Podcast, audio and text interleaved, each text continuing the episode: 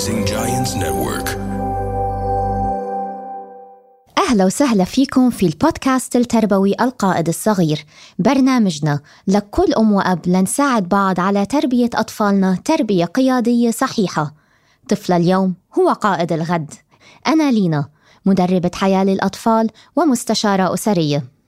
وأنا هلدا مدرسة مونتسوري ومتخصصة باللعب العلاجي play therapist مواضيع البرنامج بتغطي مواضيع في علم النفس للأطفال نصائح عملية وتحديات الأم اليومية. حلقتنا لليوم رح تكون عن مشاعر الذنب والخزي عند الأطفال ورح نعطيكم فيها نصائح عملية.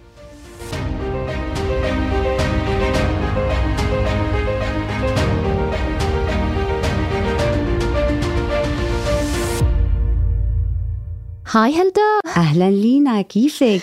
أنا مش قادرة أصدق إنه نحن الاثنين أولا بغرفة واحدة عم بنسجل. نحن متعودين نسجل من شاشة الكمبيوتر وصلنا من شهر إمتى؟ من شهر ستة. من شهر ستة فنحن راجعين. وراجعين آه، بقوة. محضرين لكم مواضيع كتير حلوة ومواضيع بكافة المجالات. وحنستضيف ضيوف على البرنامج فتابعونا لأنه أنا وهلدا كتير متحمسين وكتير اشتقنا لكم بغيبتنا. مثل ما أنت قلتي هلدا نحن راجعين بقوة ويمكن راجعين بموضوع شوي قوي. مشاعر الذنب والخزي عند الأطفال.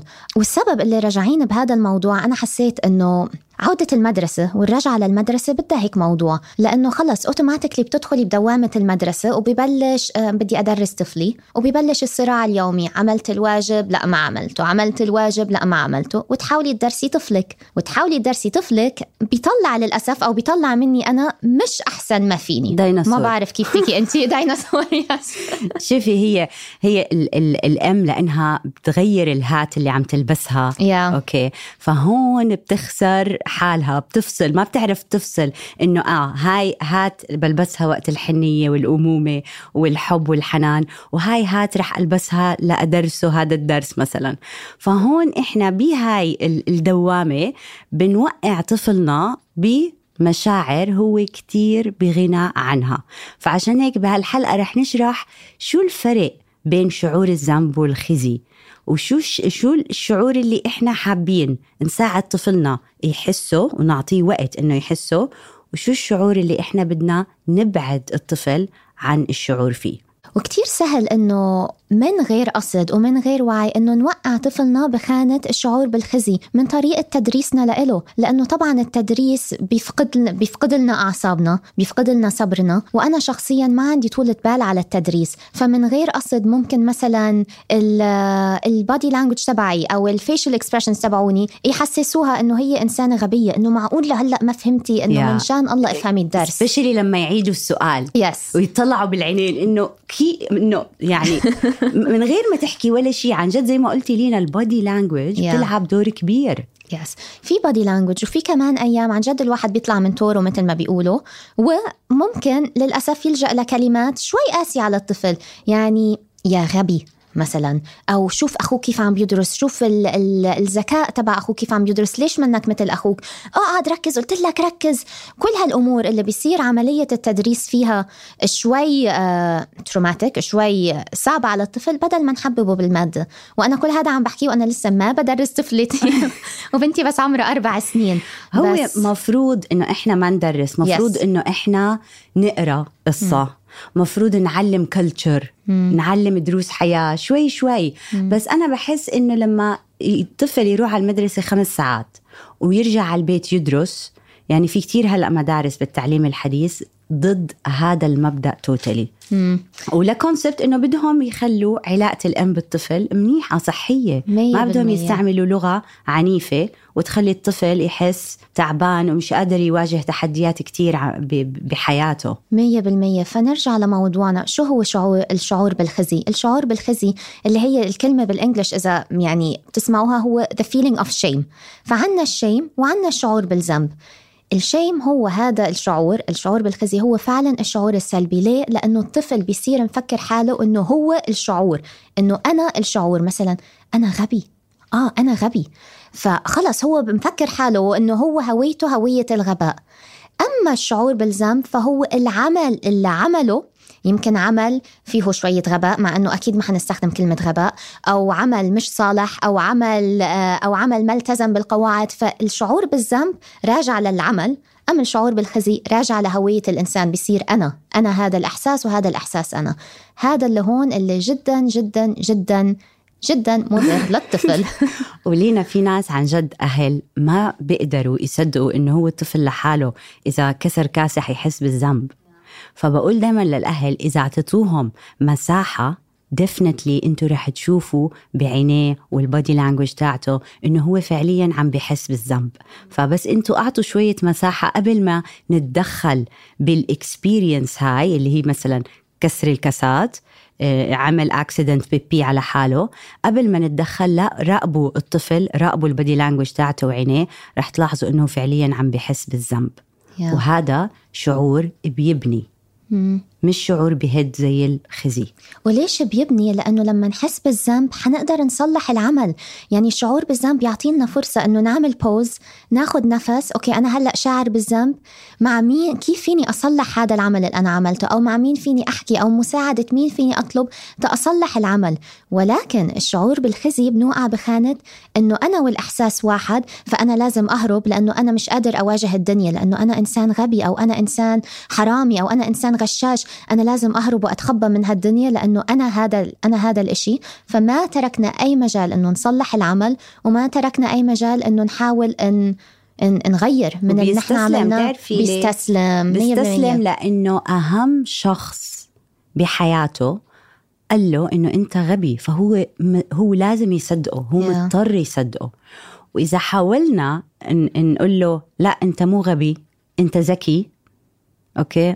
أغلب الأحيان ما ما بتزبط معنا وما حيصدقها لأنه بحدة وهو المشاعر كتير عالية عنده okay؟ وإنت كنت كتير معصبة وإنت طاقتك كتير كانت عالية وقتيها هذا الكلام بيعني جدا للطفل لأنه بكون full attention فاتح كل راسه لهاي المعلومات. فلما تحكي هالكلمة بتوقع بمكان كتير صعب بعدين نغيرها. وبعدين هو بيكون مستني ردة فعلك. يعني بتذكر مرة طبعا عشق بناتي يلعبوا بالميك أب تبعي. فوقع وبتعرفي نحن كستات لما يوقع أو ينكسر الميك أب تبعك كأنه يعني انهارت الدنيا. اطلع برا. وقع ووقع البلاش الحمراء اتكسرت فتافيت فطلعت علي وطلعت عليها. اطلعت علي وطلعت عليها. كيف حتتصرف هالإنسانة طبعا يعني ما فيني أعمل أي إشي غير أني أخذت نفس عميق وكنسنا مع بعض. يعني شو بدي أعمل؟ ففعلا هم بيكونوا مستنيين ردة فعلك. ما قالت لك شيء بعدين؟ ما قالت لي إشي بس لما راحت silence راحت عن جد كانت silence وكانت فعلا حاسة بتأنيب الضمير. والسكون as weapon yes بس ثاني يوم لما إجت بدها تيجي على الغرفة وتلعب قلت لها بتتذكري شو صار؟ please هذا بس لماما هذا بس لماما؟ yes بس لماما. وخلص ومرق الموقف يعني ففعلا على رأيك بيكونوا ناطرين ال reaction تبعنا. ردة الفعل.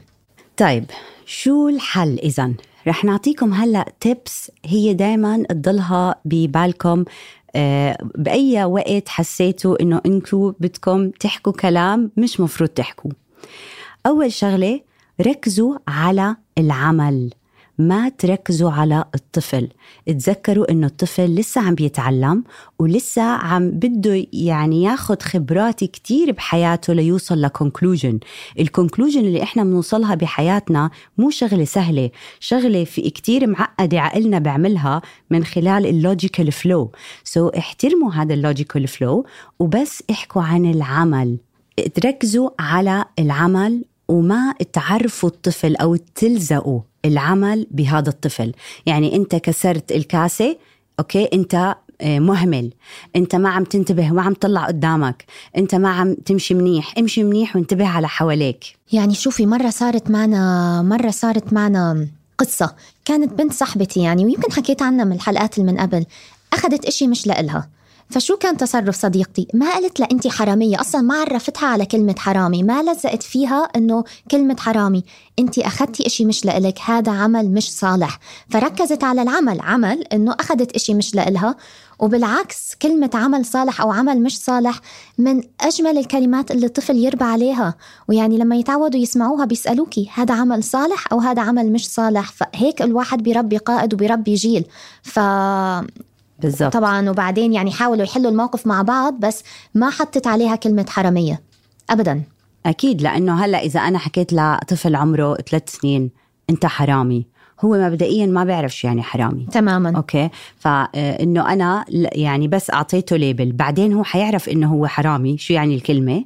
okay حيقول آه ما ماما قالت لي أنا حرامي. فهو بياخدوها ما بتتخيلوا ال- العقل اللاواعي وأسراره. بياخدها إنه هاي أنا جزء من هويتي فما تعاملنا مع العمل مع التصرف behavior السلوك okay؟ وبس أعطينا negativity هدينا. فلا خلينا نركز على البناء نركز على لغة البناء اللغة اللي إحنا نستعملها لنوصف العمل. وبعدين بعالم الأطفال بيعشقوا كلمة غشاش. انت غشاشة انت غشاش. فناديتها مرة لبنتي انت بتعرفي شو يعني غشاش؟ ولا أصلا عارفة شو يعني غشاش. ما بيعرفوا. بيعيدوا. بس بيعيدوا مثل البغبغاء بيعيدوا بالكلمات هاي. فخلص غشاش على على الرايح والجاي غشاش. فطبعا يعني حطينا وقفنا الموضوع بس فعلا بيعيدوا. فإذا بيعيدوا وبينبسطوا على الإعادة شوي شوي حتلزق فيهم كمان إذا أنا كأم استخدمتها فلا ما في. أنت مش غشاش ولا أنت غشاشة يمكن اطلعتي على ورقة صاحبتك وهذا عمل مش صالح مثلا بس فعلا الأطفال كتير أذكياء أنهم بيعيدوا كلمات وأنه آه، بيكونوا فرحانين على حالهم يا وهم لإنهم كمان لينا بيكونوا جوعانين للايدنتيتي يا. جوعان ليعرف حاله مم. جوعان لهو يتعرف على حاله مم. فإذا بيجي حدا بكل سهولة بيقول له أنت أنت أنت أنت آه okay شكرا. من غير experience yeah. بس هاي كمان بالحلقة اللي بعديها لما نحكي عن النفس آه، رح تعرفوا قد إيه هي إلها أثر كتير بعيد إنه بضلوا يستنى الناس تقول له مين هو yeah. وشو يعمل هو لما نضل نقول له أنت أنت أنت ضروري كتير عن جد نوضح إنه حيلبسوا هذا الإشي حيصير يشوف حاله من خلال نظارة أنت والاسم اللي نحن أعطينا له إياه وفعلا حيهرب من مواجهة العيلة حيهرب إنه خلص هو هو خجلان من نفسه هو حاسس بالخزي حاسس بالشيم فما حيعرف يواجه نفسه ما حيعرف يواجه أهله وما حيعرف يواجه مجتمعه. فهذه سلبية الإحساس بالشيم والدراسات أثبتت أثبتت كل الدراسات إنه لما الطفل يحس بالخزي هو لما يكبر هذا نفسه هذا الطفل لما يكبر هو أكثر إنسان معرض ياخ- يعمل خيارات خاطئة لأنه هو نفسه خجلان من حاله مش طايق حاله فكيف فيني أهرب من نفسي؟ يا حهرب من نفسي إني للأسف ألجأ للمخدرات أو حهرب من نفسي أني آه، ألجأ للكحول للكحول أو ألجأ من نفسي من خلال السرقة أو كل الأعمال اللي بنسمعها اللي بت اللي بتأدي لخطر على حياتك خطر على الآخرين أو للسجن يعني. فهذا هذا الشعور تخيلوا بيروح معك هيك للكبر. ومعظم مشاكل الكبر وعلم النفس بتأكد هذا الإشي إنه أي شيء بتحسيه بالطفولة بيكبر معك مش رايح أي مكان يعني خلص لزقك. أكيد. وثالث تب استعملوا جملة كتير كتير حلوة. ممكن تخبرني أنت ليه قررت تختار هذا الخيار؟ أنت ليه عملت هيك؟ طب شو حسيت لما عملت هيك؟ okay؟ آه هل كان خيارك منيح؟ جيد؟ okay؟ أو لا؟ طيب إذا انعاد الموقف شو بترجع بتختار؟ فهون إحنا علمناه كيف evaluate كيف يقيم. علمناه كيف يقيم تصرفاته وسلوكه. من برا من غير ما نخليه جوا يحس بخزي من حاله من غير ما يعرف شو خط الرجعة. طب أوكي أنا هلأ من خزي من حالي كتير. طب شو خط الرجعة؟ كيف أرجع؟ فهون بنكون أعطيناه طريق رجعة لحتى يرجع للتوازن الشعور المتوازن ويرجع يفكر بسلوكياته وعلى أي أساس يختارها. يعني هون عندي مثل كتير حلو. مثلا عندي بنتي الأكبر وبنتي الأصغر. آه فأكيد أيام عادي كطفلة بتعصب من من الأصغر فبتروح ضرباها بتحس طبعا بتأنيب ضمير مش طبيعي.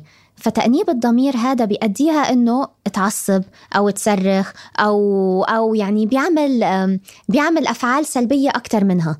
إذا أنا إجيت و I labeled وقلت لها أنت مثلا أنت أخت أنت أنت أخت مش حنونة أو أنت أخت ما بتحبي أختك الثانية أو أنت دائما بتضربيها ما عم بساعدها ابدا إنه تفرغ هاي الطاقة السلبية اللي عندها. فمثل ما أنت قلتي باجي طب أنت ليه اخترتي إنك تضربيها؟ أو حتى ليش مش ليه اخترتي؟ ليه ضربتيها؟ عم بعطي لها الفرصة إنه هي تقول ليه در... لأني كنت معصبة. آه يعني أنت معصبة. طب شو بنعمل لما نعصب؟ وهكذا بيتطور الحديث يعني. ف ليه اخترتي أو ليه عملتي فعالة أكثر بكثير من انت كذا؟ بالضبط. وهذا by the ما تفكروا هذا لعمر محدد طبعا أكيد. من الولادة لست سنين بيكونوا very sensitive كثير بدكم تديروا بالكم على الكلمات واللغة اللي عم تستعملوها. آه، بس بعدين بتضلوا يعني هديك اليوم ريان آه، عمره 12 سنة. آه، فهلأ بهذا العمر هرمونات كثير فهم عن جد بغير بصير عنده mood swings فبيجي اجى هديك اليوم هيك يعني حسيت في رجال عم بتخانق معي. وأنا ما عملت شيء يعني إنه أنا بريء أنا بريء فقلت له خد 2 minutes ورح نرجع نحكي. فأنا ممكن كان عندي تيارين يا أبني اللغة تاعتي اللي استعملتها معه بس أنا أخذت ال two minutes عشان آه، آه، انت تستوعبي أنا أستوعب إنه مين هاد؟ مين هاد؟